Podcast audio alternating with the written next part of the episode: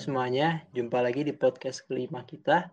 Pada podcast kali ini kita akan membahas mengenai stress management. Yang mana kita tahu sehari-hari biasanya kita dihadapkan oleh masalah-masalah yang biasanya membuat kita stres. Karena itu kita akan membahas dari definisi stres itu sendiri gimana, terus cara menyikapinya hingga penyelesaiannya.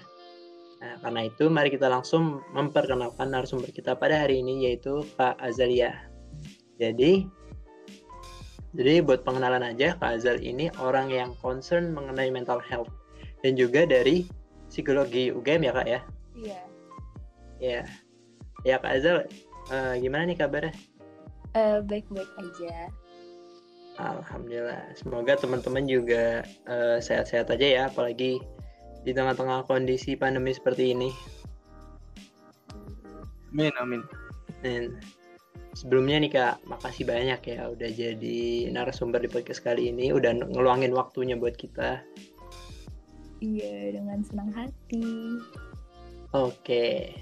Kak, sekarang kita langsung masuk aja ke dalam pembahasan podcast kali ini. Eh, mungkin yang dari basic dulu ya. Yang pertama tuh, eh, menurut dari pandangan kakak, itu apa sih stres?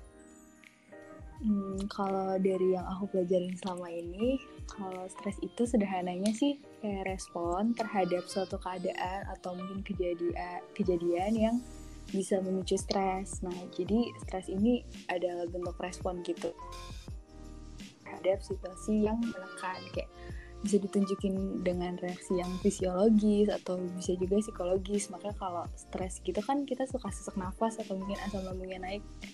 Nah, itu uh, respon saraf simpatetik gitu. Hmm. Jadi uh, setiap orang itu respon terhadap stresnya tuh beda-beda ya kak ya? Hmm, beda-beda. Hmm. Sebenarnya stres ini normal nggak sih kak? Kalau buat orang itu?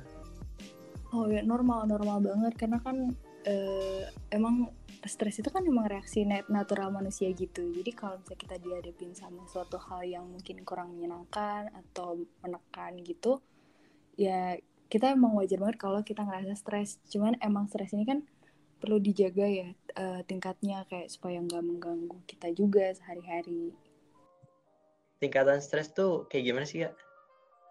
Ya jadi kan tingkatan stres itu ada tiga. Jadi ada grafiknya gitu ada hypostress, eustress, ada distress. Jadi kayak hypostress ini kan yang paling rendahnya gitu. Terus eustress ini kayak comfort zone-nya yang di tengah-tengah gimana dia bisa si stres ini optimal gitu. Terus ada juga yang di stres kalau tingkat stres ini sampai ke di stres ini itu bisa nyebabin uh, banyak masalah, bisa kayak burnout atau mungkin kita cemas dan sebagainya gitu.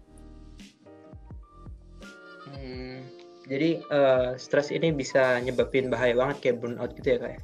Mm-mm, bisa sampai ke mungkin kalau masalah penyakit fisiologis juga banyak gitu.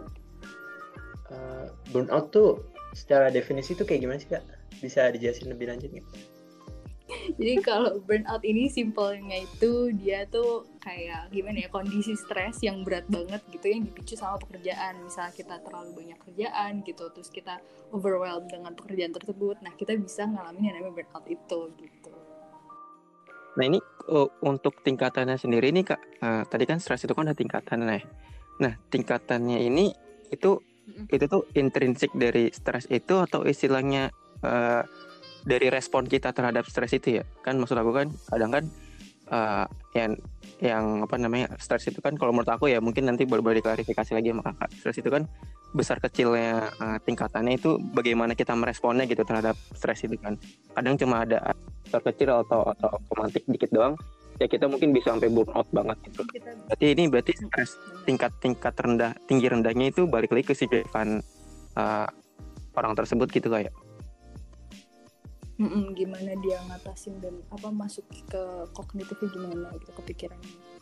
Hmm berarti ya pada dasarnya mungkin kalau kalau stresor apa atau istilahnya penyebab stres ini ya netral gitu lah ya maksudnya nggak nggak iya. nggak kecil cuma dari orang tersebutnya aja gitu yang kadang suka mungkin wah wah gila ini besar nih masalah gua atau gimana gitu ya. Iya makanya pentingnya stress manajemen kan di situ kan biar kita juga bisa ngontrol gitu stresor yang masuk ini kayak gimana gitu maksudnya uh, efeknya terhadap kita tuh seberapa gitu. Hmm.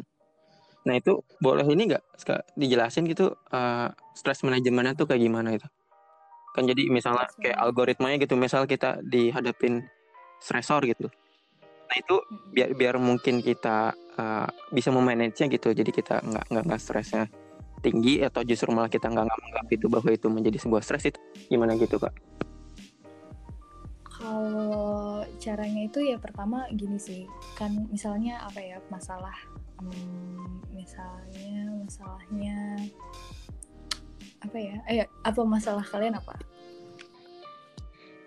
Masalah nilai aja deh yang gampang. Oh nilai. Gampang kan kayak kan nilai. Pertama tuh kita lihat dulu sebenarnya kalau misalnya nilai ini ancaman atau tantangan gitu bagi, bagi kalian gitu. Kalau misalnya kalian ngelihatnya sebagai ancaman gitu yang perlu dilakuin pertama itu kita reframe gitu.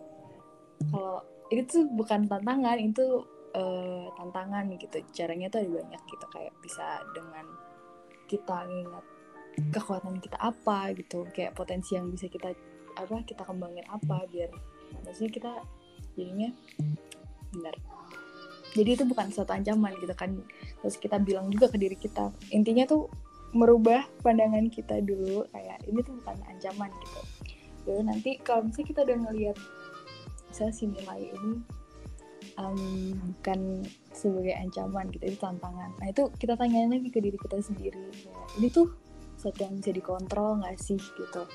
Kalau dia ternyata bisa dikontrol berarti caranya ya kita problem solving gitu kita brainstorming kita cari apa yang bisa kita lakuin untuk menyelesaikan si apa menghadapi si tantangan ini gitu.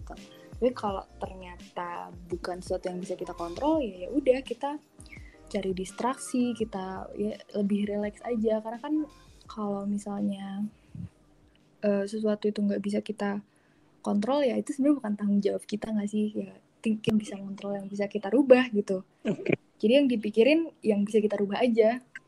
Oke okay, oke. Okay. menarik menarik. Ini sama kayak ini aku pernah baca juga itu kayak filosofi teras toa.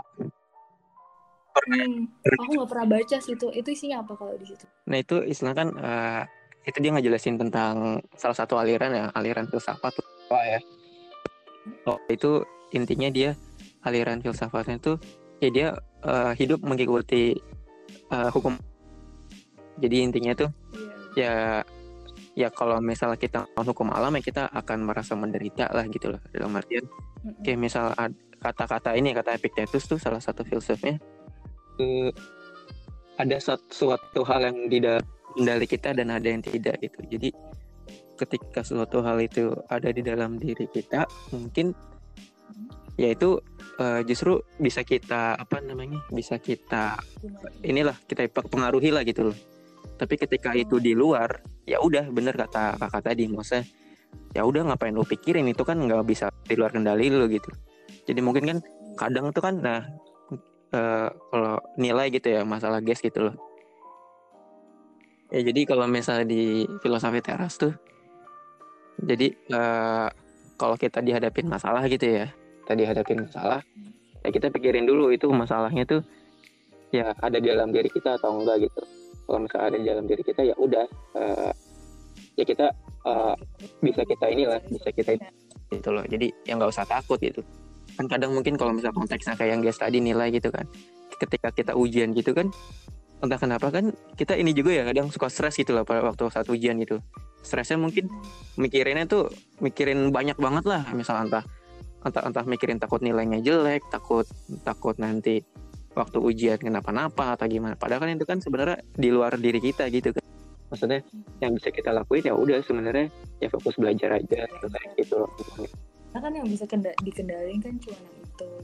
Iya betul. Jadi selain kalau sama juga sih sama kayak kalau misalnya tadi kan kayak kita udah kita belum kejadian apa-apa gitu. Kita udah mikir aduh nanti sakit aduh nanti gimana gimana. Itu kan juga sebenarnya sama kayak yang tadi dibilang kayak sebenarnya ya nilai gitu ujian gitu. Itu kan netral. Tapi gimana kita masukin ke otaknya aja kalau kita nganggapnya itu sesuatu yang mengancam ya bakal berat juga di pikirannya gitu. Hmm. Berarti intinya balik lagi ya kalau misalnya namanya stres atau enggak itu bagaimana kita bereaksi lah atau istilahnya respon kita lah nggak nggak secara intrinsik stres itu ya udah lu bakal stres gitu. Tapi itu ya respon dari lu sendiri gitu ya berarti ya.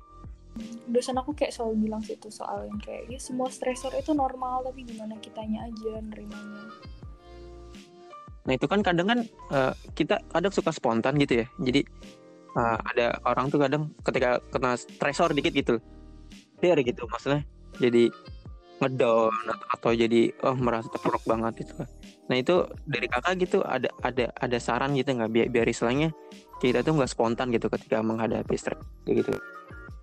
Hmm, kalau aku sih biasanya kalau yang kayak gitu kayak kayak cari lebih yang ke emosional gitu sih. Karena kan kalau misalnya kita langsung respon gitu itu kan berarti lebih ke arah emosional kan? Karena sesuatu yang spontan biasanya dari emosi gitu itu biasanya paling ya mudah-mudahan kayak relaksasi atau kita mungkin distraction kita ngelakuin hobi atau kita ya apa sih bisa kalian suka dengerin musik kalian dengerin musik dulu untuk uh, seenggaknya apa ya da, da, tone down apa ya namanya ya redain dulu gitu jangan langsung direspon dengan emosi gitu gitu sih paling Hmm, jadi istilahnya dipikirin dulu gitu ya.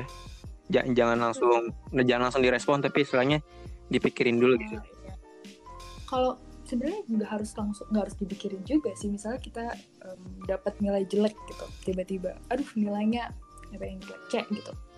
Terus ya kalau kita pertama kali lihat pasti kita stres kan. Tapi gimana caranya kita tetap uh, bertahan gitu. Misalnya kita tetap uh, apa ya maintenance apa ya namanya duh bahasa Indonesia ya pokoknya biar kita tetap nggak sesetres itu gitu. Kan pasti kita cari pelarian dulu nggak sih? Kayak mungkin ngelakuin hobi dulu atau relaksasi. Ya relaksasi tuh beneran gitu loh. Kayak mungkin kalian take time for breathing apa untuk nafas gitu. Itu bisa ngeredain emosi kalian. Kan dapat nilai jelek kan kita dapat kita ini kan ngerasain emosi negatif. Nah emosi negatifnya itu dihilangin dulu sebelum kita mikirin kayak apa yang bisa dilakuin biar maksudnya untuk menyelesaikan masalahnya gitu hmm.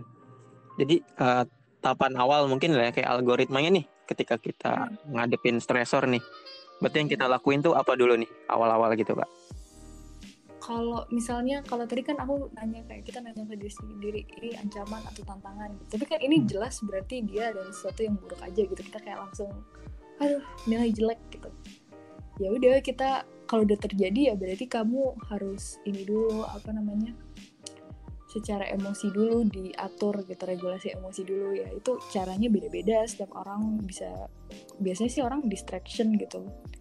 Cari distraksi dulu biar tenang dulu baru nanti setelah misalnya kita udah ya nggak full of negative emotion gitu baru kita pikirin kayak apa sih yang bisa dilakuin buat buat nyelesain masalahnya gitu oh jadi istilahnya kayak ngubah ngubah step ngubah sih gitu dulu kali ya. Kan misal kadang ya, lebih clear juga kan gimana hmm. kita ngelihatnya. Kayak kalau nilai jelek terus kita marah ya tapi nilainya udah jelek juga gitu. Ya mungkin masih bisa sih kalau kita minta ke dosennya cuman kan in that case kalau misalnya nggak bisa gimana? Berarti kalau bisa dirangkum ketika kita ketemu stresor ya kita ngalihin dulu ya alihin dulu dari stresor itu. Maksudnya uh, em kespontanan ini tuh kalau bisa di, di, dialihin dulu alihin melalui emosi yang mungkin membuat tuh apa ya bisa dibilang relax gitu nyaman gitu baru dipikirin dulu stres stresornya itu gitu. Gitu sih? Iya bener.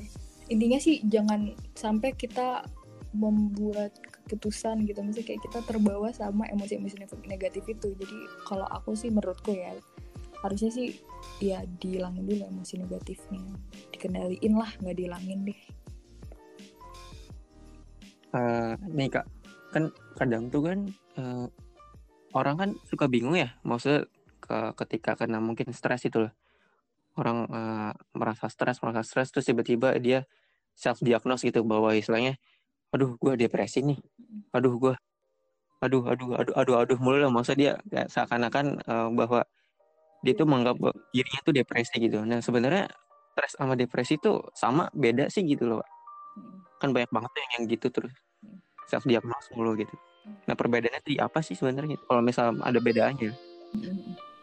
Jadi kalau depresi itu ini sih jauh banget dari yang namanya sekedar stres gitu. Karena untuk kita diagnose stres apa depresi aja tuh butuh waktu yang juga cukup lama gitu. Di harus di misalkan ada tes depresi gitu di ini di internet. Terus mereka yang kayak ah aku aku depresi gitu. Padahal cuma dari tes-tes di internet gitu itu padahal ber, ya nggak bisa kayak gitu. Kalian tuh juga selain tes juga harus ada wawancara dulu sama psikolog terus psikolognya juga harus observasi dulu gimana apa gimana gejalanya gitu. Jadi kalau depresi gitu depresi itu kan banyak gejalanya. Wah kalau yang gejala utamanya itu ada yang pertama tuh afek depresif. Aduh aku gimana jelasinnya? Itu kayak perasaan depresi gitu kayak gitu. Eh, terus ada kehilangan minat, kehilangan kegembiraan, terus kayak berkurang energinya untuk eh, kayak dia mudah lelah gitu kayak kerja dikit udah capek, terus aktivitasnya juga jadi nurun. Nah itu kan gejala-gejala utamanya.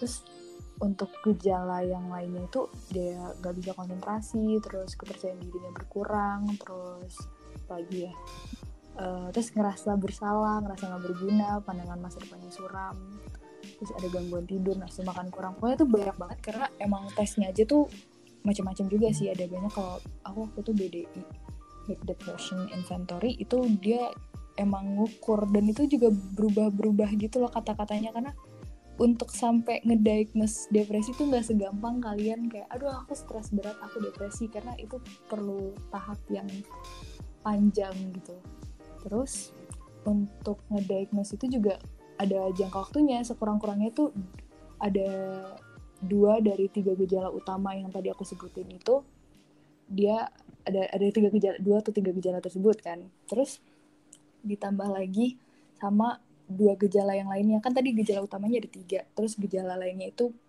minimal dua juga.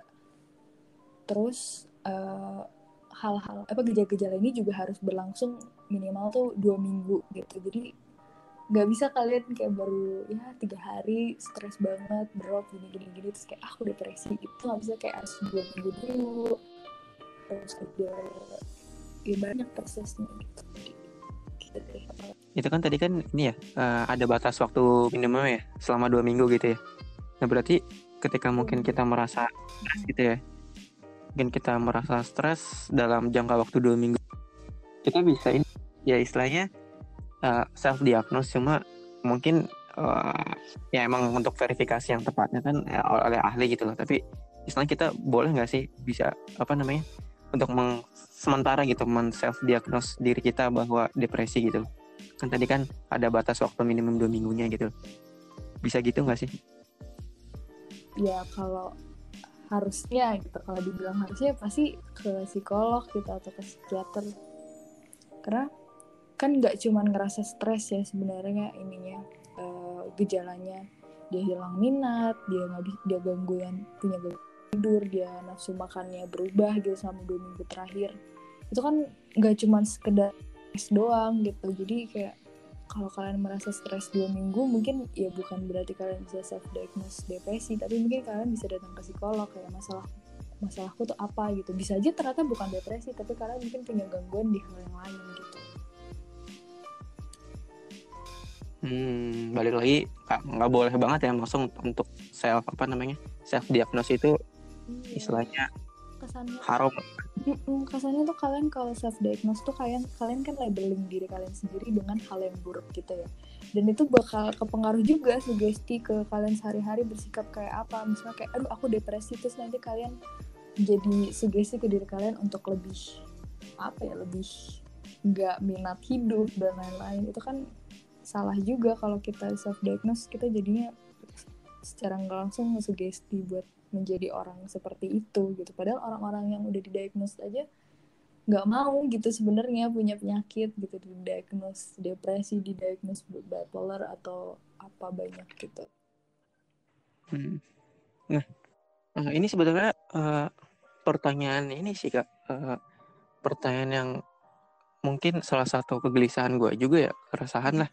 Nah itu sebenarnya nih, eh, ketika kita mengalami uh, depresi gitu lah ya atau istilah kita nyebutnya gangguan mental lah ya. Uh, nah itu tuh sebenarnya ada yang bisa disalahin gak sih? Dalam artian kan kadang banyak juga kan orang bilang tuh bahwa ah ini mah elunya aja yang istilahnya yang yang apa namanya yang mungkin uh, dari segi mental belum kurang kuat lah gitu loh. Itu kan berarti salah dari dirinya sendiri gitu. Tapi kan kalau misalnya kita balik lagi gitu kita flashback gitu kan ya sebenarnya nggak nggak nggak salah juga kan. Kalau nggak salah kalau misalnya gangguan mental gitu kan uh, gangguan dari keseimbangan senyawa biokimia lah di dalam diri kita lah. Entah itu dari neurotransmitter hormon gitu-gitu banyak kan. Nah berarti sebenarnya kalau gini tuh ada yang bisa disalahin gak sih kak gitu? Atau emang ya udah sebenarnya nggak nggak ada yang bisa disalahin gitu nggak bisa saling menyalahkan gitu sebenarnya kalau pertanyaan kayak gini nggak pernah kayak dibahas di kuliah jadi uh, correct me if I'm wrong gitu. Cuman kalau menurutku ya nggak ada yang bisa disalahin karena bahkan kan banyak juga gitu kayak kelainan bukan kelainan ya gangguan-gangguan yang sebenarnya datang juga dari secara kalau ini nature nature tuh turunan turunan kalau turunan gitu misalnya bahkan pas dia lahir struktur otaknya emang udah misalnya amigdalanya besar lebih besar daripada orang lain. Enggak sih itu nggak ngerti apa ya tapi pokoknya secara struktur iya benar secara struktur dari tubuh gitu dia udah beda ya masa mau nyalahin siapa masa mau nyalahin Tuhan kan nggak mungkin juga gitu. Cuman mungkin kalau misalnya ada pengaruhnya dari misalnya mungkin masa kecil atau pola didik itu banyak juga kan sebenarnya masalah-masalah yang datangnya dari pola didik. Mungkin uh, dari psikolognya juga bakal ngerujuk gitu uh, ngerujuk ke orang tuanya gitu untuk apa ya seenggaknya membantu membantu anaknya gitu misalnya kalau emang dari pola didik gitu. Gitu sih. Hmm. berarti intinya ya ketika kita mengalami depresi gitu atau gangguan mental sebenarnya yang gak ada yang bisa disalahin gitu. Jadi seharusnya kita jangan menyalahkan diri kita sendiri gitu lah ya, ya kan justru pertama sih gitu. jangan nyalahin diri sendiri ya maksudku itu udah ya mungkin udah coba udah takdir gitu atau mungkin emang karena kitanya juga secara mental nggak kuat gitu ya nggak bisa tapi nggak perlu nyalahin diri sendiri gitu. Nah kalau misalnya kayak gitu tuh tuh kayak misalnya kita uh, terkadang kan uh, nggak tahu ini menurut aku sih mungkin uh, correct me if, if I'm wrong ya tapi kan terkadang ketika kita depresi gitu kan kadang untuk mengafirmasi untuk positif gitu loh. Itu kan uh, relatif rada sulit gitu loh. Relatif rada sulit itu kan karena mungkin ya mungkin banget ya kalau menurut saya. Itu kan ada bantuan dari apa sih ada dorongan dari senyawa dari tubuh kita juga lah. Mungkin kortisol gitu kan hormon yang penyebab stres gitu kan. Jadi istilahnya kita kita positifin gitu atau istilahnya kita paksa untuk positif tuh sepertinya rada sulit gitu loh. Jadi kalau menurut kakak kalau misal uh, kita mengalami hal seperti itu uh, gimana tuh kak? Istilahnya mungkin ada ada saran gitu nggak kak? Kalau aku sih selama ini selalu ini sih kayak kalau konseling gitu pasti dibilang kayak kalian tuh punya orang yang bisa dihubungin kah? gitu untuk minta bantuan kalau lagi merasa ya merasa nggak bisa bantu diri sendiri gitu misalnya. Ya itu emang susah sih kayak nggak mungkin kita bergantung sama orang lain tapi ada baiknya gitu kita menghubungi orang-orang terdekat dan kayak ya nggak apa sekedar kalau kesah sekedar apa ya kalau emang kita sendiri nggak bisa ngomong yang positif ke diri sendiri mungkin untuk sementara bisa minta bantuan orang lain terus kayak bisa juga kayak kita aja ngomong ke diri sendiri depan kaca itu sebenarnya walaupun kelihatannya kayak orang gila gitu ngomong sama depan kaca cuman itu sebenarnya ngaruh banget karena ya ngaruh hmm. berarti intinya kalau misalnya kita eh, merasa kayak gitu tuh ya masa udah udah mencoba gitu loh mm-hmm. mencoba nih belum belum cukup gitu ya mm-hmm. berarti setengahnya cari bantuan gitu lah ya maksudnya cari suatu uh, hal atau orang lain yang mungkin bisa kita salurkan lah gitu lah entah orang lain entah apa pun itu untuk mengeluarkan rasa iya. gelisah kita atau atau istilahnya yang kita pendem gitu lah ya gitu ya berarti ya iya. Oke, oke. Nah, kan kadang tuh untuk untuk ini ya, uh, kalau sepengamatan aku sih kayak ya, untuk orang yang apa namanya, orang yang depresi, orang yang mengalami gangguan mental gitu kan, justru dia semakin menarik diri gitu ya dari lingkungan gitu lah ya. jadi justru uh, ya ya dia susah untuk minta tolong mungkin ya kalau bisa ketika melihat dari pribadinya gitu ya. Kan pribadi orang kan beda-beda kan ada yang mungkin dia malu gitu lah ya. Kan kadang orang juga untuk meminta tolong tuh malu takut ngerepotin takut apa gitu.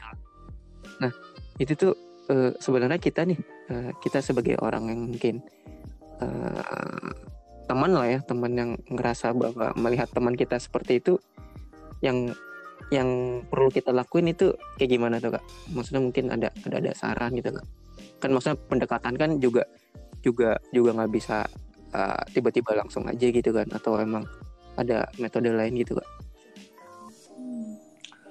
kalau kita sih sebenarnya biasanya lebih ke arah yang ringan-ringan dulu gitu karena kan nggak mungkin belum nggak semua orang bisa langsung cerita kayak juga sekedar nanya kabar dulu gitu atau nanya butuh bantuan nggak atau something. Jadi kalau kita ngelihatnya udah kok gerak-geraknya agak aneh gitu ya pertama sih ditemenin dulu ya maksudnya kayak misalnya dia jangan dibiarin sendiri dulu gitu mungkin di, diajak ngobrol diajak main dulu apa gimana. Kayak emang harus perlu sedikit dipaksa sih kalau emang mereka lagi narik diri karena sebenarnya kan narik diri juga efek dari misalnya dia stres dan lain-lain kan itu kan ada hubungannya juga.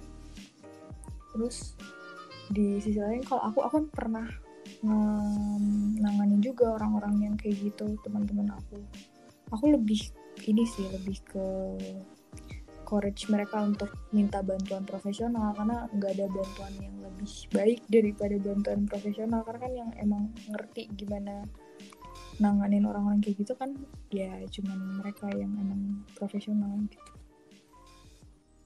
Hmm. Berarti emang istilahnya kalau ketika udah udah udah istilahnya apa ya udah udah di tingkat yang udah silver gitu atau istilahnya yang yang udah rada parah gitu ya emang emang pasti ya maksudnya emang emang harus dibawa banget ke apa namanya yang kompeten lah di, di bidang itu ya atau istilahnya yang ahlinya ya sebenarnya sih untuk untuk dibilang harus juga susah juga ya karena kan sebenarnya agak pricey juga cuman ya untuk apa ya kayak kita tuh sebagai manusia kayak kita sebagai teman tuh banyak salah ngomong juga gitu sih kalau menurutku makanya kenapa aku lebih nganjurin daripada jadi makin parah gitu. Mendingan langsung ngomong ke psikolog atau ngomong ke nggak harus ke psikiater sih karena kan ke psikolog ke psikolog tuh kalian nggak harus ada punya gangguan jiwa kalian nggak harus punya masalah besar kayak sekedar kalian mau apa ya ngejernihin pikiran juga nggak apa-apa ke psikolog. Lagian sekarang kalau ke puskesmas gitu kan sebenarnya psikolog murah. Kayak dua ribu empat ribu ada sih tapi di Jogja sih itu uh, ini buat teman-teman mungkin ya yang yang dengar podcast ini ini.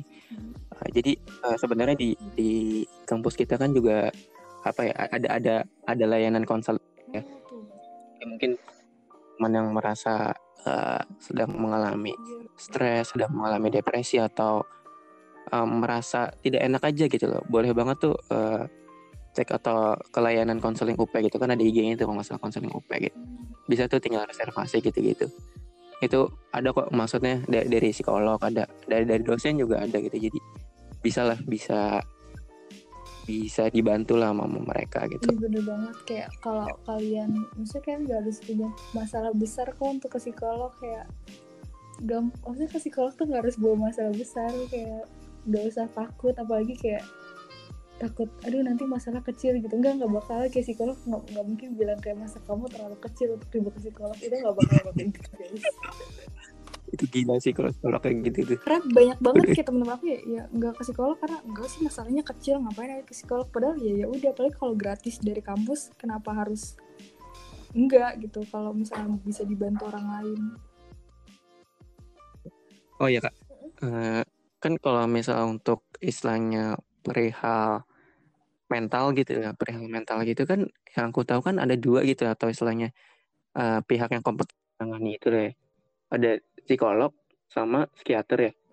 Nah itu sebenarnya itu tuh bedanya di mana sih kak? Maksudnya ketika kita mengalami ini ketika kita mengalami sebuah gangguan itu lah gangguan itu dalam arti gangguan mental atau gangguan yang kita rasa ah ini tuh gak enak gitu. Kayak misalnya tadi yang tadi dicontohin misalnya kita merasa depresi gitu depresi atau merasa stres gitu atau atau suatu hal yang nggak bikin enak aja gitu Mm. itu sebenarnya kita harusnya ke psikolog atau ke psikiater gitu atau ke awalnya gitu ke- gimana, gimana sih kak?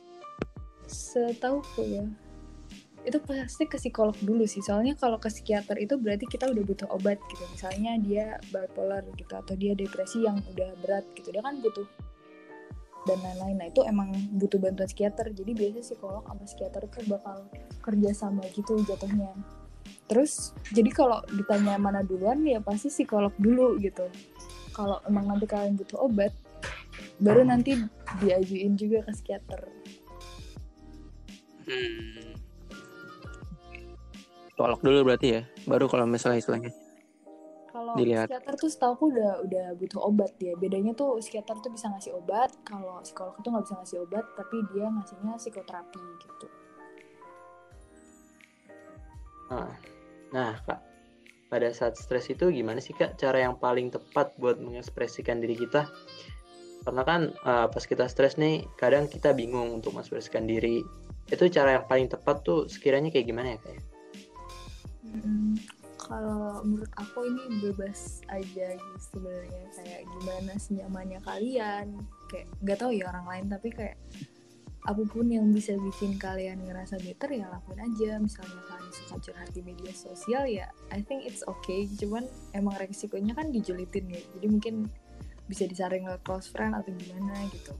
Terus kalau misalnya kalian suka cerita ke, temen juga ya cerita aja. Maksudnya mungkin kan kalian rasanya malah gak orang tapi kalau menurutku ya nanti bisa dibales gitu.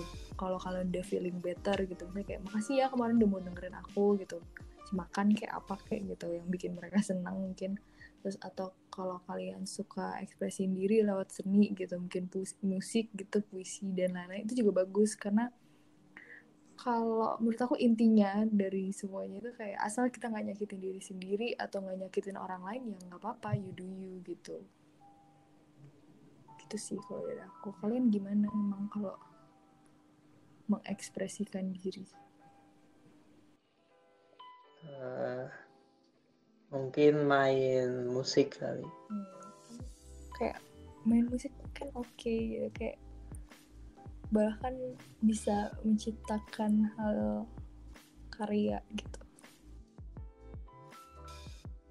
Ya berarti eh, tergantung orangnya enaknya mau gimana ya. Hmm, karena semua orang kan punya caranya masing-masing gitu buat mengekspresikan diri asal nggak ngerugiin orang lain dan nyakitin diri sendiri. Ya it's okay. Jadi intinya mengekspresikan diri dia apa sih mengekspresikan di sini yang yang dia suka lah gitu ya, melampiaskan kepada yang hobi dia lah gitu ya. Mm-mm. Oke. nggak harus hobi sih kayak mau curhat ke temen juga nggak apa-apa gitu. Nah iya kak, kan kalau misalnya isu mental health gitu ya eh, di Indonesia gitu lah ya, itu kan kadang isu ini tuh masih menjadi isu yang tabu mungkin lah ya, soalnya banyak mungkin ya, eh, masih banyak lah kalau menurut saya tuh orang-orang yang menganggap bahwa eh, seseorang yang mungkin stres atau istilahnya mengalami gangguan mental atau ya merasa apa namanya merasa sedih gitu-gitu tuh di apa ya kayak kayak dijudge gitu loh. Maksudnya bahwa bahwasanya uh, lu tuh uh, mentalnya nggak kuat lah gitu loh bahwa istilahnya ya lu nya aja yang lemah gitu loh. Padahal kan sebenarnya uh, untuk menjadi kalau menurut gue ya untuk menjadi vulnerable gitu atau istilahnya seperti itu tuh ya nggak apa-apa nggak ya balik lagi nggak ada yang bisa disalahin gitu loh. Maksud gue kadang tuh aduh gimana juga ya kadang kalau misal kayak gini tuh gitu loh. Kalau pandangan lu uh, perihal ini gim- gimana tuh kak? Hmm, kalau menurut gue kayak mungkin karena budaya Indonesia juga ya kita kayak dari dulu dituntut untuk ya banyak kayak nggak salah terus kayak nggak lemah nangis tuh salah gitu. Itu sebenarnya jatuhnya dari budaya da- kalau menurut gue ya ini ini nggak nggak pernah dibahas di mana-mana gitu. Cuman kayak itu pengaruh karena budaya kita juga apalagi kayak apa ya budaya Asia gitu kan kita kita kan ada jokes ini kan Asian parents gitu kan yang kayak anti mental health gitu sama anak-anaknya. Ya itu tuh itu gue kayak sebenarnya iya sih bener juga kalau dipikir-pikir. Karena kayak hmm, misal kita sedih aja kita nangis dibilang jangan nangis. Padahal nangis aja kan bentuk respon kita terhadap sesu sesuatu yang emang natural nggak nggak bisa disalahin. Apalagi dilarang jangan nangis gitu. Kan kayak ya itu datangnya ya ketabuhan itu juga dari emang dari budaya dan emang didikan kita dulu. Makanya mungkin sekarang sekarang ini kan mulai kan orang-orang kayak mental health awareness gini-gini gitu gitu gitu cuman kayak sayangnya sekarang sekarang ini kayak mental health agak di bukan diromantisasi ya tapi kayak entah kenapa malah jadi tren dan agak susah ini kayak PR baru lagi kayak kemarin-kemarin PR-nya naikin awareness ke mental health. Sekarang kita harus bikin kayak mereka nggak mengromantisasi gitu bukan buat keren-kerenan isu-isu mental health ini. Jadi gitu sih. Hmm itu sekarang jadi uh, isu mental health itu bukan menjadi apa ya uh, justru jadi sebuah isu yang apa ya? Baru lagi. Isu yang iya isu baru lagi maksud karena yang isu awal kan, isu itu isu lagi gitu uh, uh, padahal awalnya tujuannya naikin awareness sekarang udah naik awarenessnya tapi disalahgunain sama orang-orang untuk I don't know being edgy ini tuh kalau menurut pandangan lu sendiri tuh kak uh, tentang itu deh tentang romantisasi yang itu loh dari isu mental health itu mm-hmm. menurut lu gimana tuh kak? Maksud gue di situ uh, kalau dari pandangan lu pribadi mm-hmm. Lu menganggap ini tuh menjadi sebuah hal yang istilahnya apa ya? Sebuah hal yang justru uh, negatif atau istilahnya suatu hal yang apa ya? Suatu hal yang uh, ya udah nggak apa-apa gitu loh. Kan maksudnya ya balik lagi kan orang bebas juga kan berekspresi gitu loh. Ini ini sih sebenarnya romantisasinya tuh bukan masalah yang seberat itu cuman masalah romantisasi ini kan ngebawa kita ke self diagnose ya jadi ya nambah masalah hmm. gitu. Kalau misalnya orang-orang self diagnose mereka bahkan gak pernah datang ke psikolog tapi mereka bilang aku bipolar cuman dengan ngelihat postingan di Instagram. Ya salah juga. Karena justru mereka mensugesti dirinya dia sebagai mereka bipolar padahal ya enggak sebenarnya. Mungkin mereka cuma punya mood yang agak smooth swing aja nggak sampai bipolar gitu. Jadi kalau dibilang ini negatif atau enggak ya mungkin sedikit negatif karena kita kan jadi punya PR baru. Jadi harus membuat batas gitu. Kayak orang-orang nggak menyalahgunakan awarenessnya ini gitu. Padahal awarenessnya udah bagus kan. Hmm, iya sih jadi takut ini ya takut istilahnya dari, dari, dari romantisasi itu jadi ngebuat sebuah standar sosial gitu loh ya. Nah kak, di tengah-tengah kesibukan mahasiswa yang bisa dibilang kita tuh ingin melakukan berbagai hal kan. Nah, karena dari itu kadang kita sampai kekurangan waktu nih untuk me time, untuk uh, kebahagiaan diri kita sendirilah. Pendapat kakak tentang hal itu gimana sih? Hmm, jujur aku juga kan sebenarnya pelaku juga kayak sibuk nggak punya waktu buat me time kayak emang susah nggak sih buat ngasih waktu buat diri sendiri karena kan tuntutannya dari sana sini tapi kayak menurut aku ya time tetap perlu banget sih bisa mungkin disempetin ya atas untuk kayak nafas gitu. Kayak kalau misalnya kalian udah ngerasa nggak bisa nafas kayak robot gitu. Kayak kalau udah ngerasa overwork apalagi kalau udah nggak happy ngerjainnya menurut aku ya kadang apa ya ya kasih aja waktu buat diri sendiri. Simpel kayak misalnya nafas yang bener gitu kan kayak tau gak sih kayak gimana rasanya bener-bener nafas yang dirasain oksigennya masuk ke paru-paru. Aku biasanya ini sih kalau udah mulai kayak gitu aku kayak nafas 5 menit yang bener gitu yang ada namanya 478 aku aku lupa sih dapetnya dari mana tapi kayak 4 detik buat narik nafas 7 detik buat nahan terus 8 detik buat buang terus kayak walaupun kayak kesannya gak penting gitu kayak ngapain gitu nafas doang tapi ini sebenarnya ada gunanya gitu jangka panjang karena kan kita kayak masukin oksigen ke dalam tubuh. Gitu. Jadi itu lebih kayak ini gak sih? Kayak latih mindfulness gitu? Meditasi gitu? Itu termasuk Hmm, berarti ya bisa salah satu solusinya itu kali ya uh, meditasi itulah ya kontemplasi gitu. Kalau kalian emang nggak punya waktu buat me time ya terus buat nafas yang bener ya membantu lah seenggaknya kan. Kalau mahasiswa gimana sih kerjanya pak? Jadwalnya mahasiswa apalagi pak yang ada sibuk organisasi sibuk sana sibuk sini?